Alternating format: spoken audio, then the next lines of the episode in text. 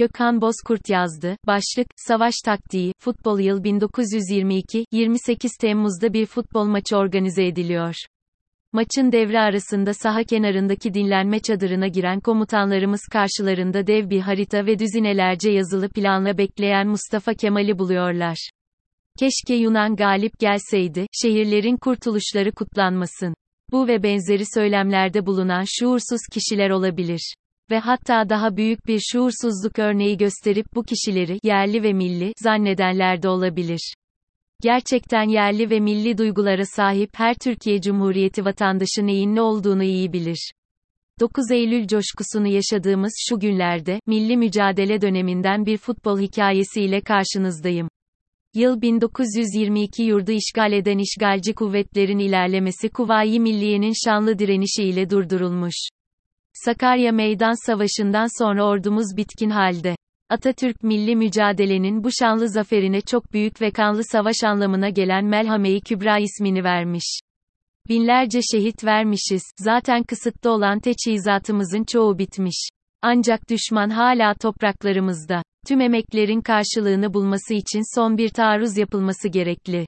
Kolay lokma olmadığımızı savaş meydanında öğrenen işgalci kuvvetlerde tedirgin bir bekleyiş var, tekrar saldırmaktan çekiniyorlar ancak topraklarımızı da terk etmiyorlar.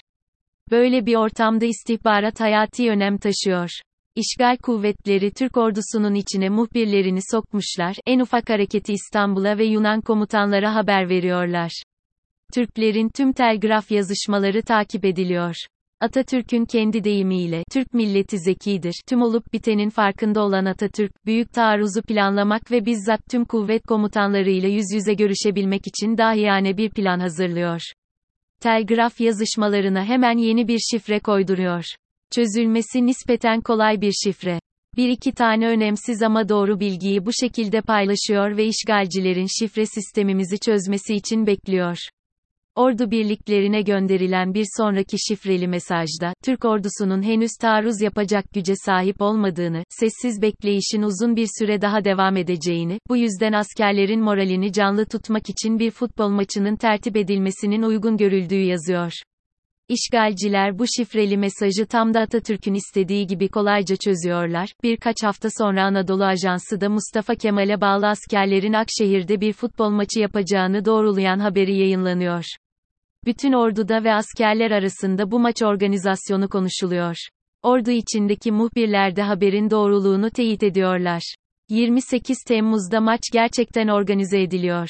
Maçı seyretmek ve askerlere moral vermek için başta Mustafa Kemal olmak üzere, İsmet Paşa, Fevzi Paşa, Nurettin Paşa, Yakup Paşa gibi ordunun en önemli komutanları Akşehir'e geliyorlar. Tüm bu gelişmeleri takip eden işgal kuvvetleri haftalar önce şifresini çözdüklerini sandığı mesajın doğruluğundan emin oluyorlar.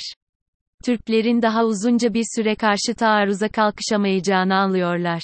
Maçın devre arasında saha kenarına kurulan dinlenme çadırına giren komutanlarımız karşılarında dev bir harita ve düzinelerce yazılı planla bekleyen Mustafa Kemal'i buluyorlar. Mustafa Kemal o maç esnasında bizzat kendi anlatımıyla harita üzerinde büyük taarruz planını açıklıyor. Böylece bir sürü muhbir ve ajanın fink attığı, telgrafların dinlendiği bir ortamda Atatürk dehası ile büyük bir gizlilik içinde emir ve planlarını muhataplarına şahsen iletmiş oluyor. Bu maçtan sadece 3 hafta sonra Türk tarihinin o şanlı yürüyüşü, büyük taarruz başlıyor. Tıpkı futbolda olduğu gibi işgal kuvvetleri kontra-ataktan golü yiyor. Akşehir'de başlayan o maç, 9 Eylül'de son işgalcinin de denize dökülmesiyle son buldu. Futbolun Atatürk'ün hayatında ve milli mücadele hikayemizde böyle anlamlı bir yeri vardır. Atatürk sonraki yıllarda Gündüz Kılıç'tan futbol oyunu hakkında bilgiler almış ve özel olarak ilgi göstermiştir.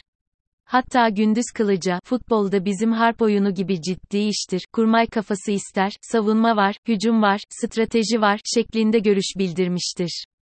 Denize dökenlerin 9 Eylül'ü kutlu olsun.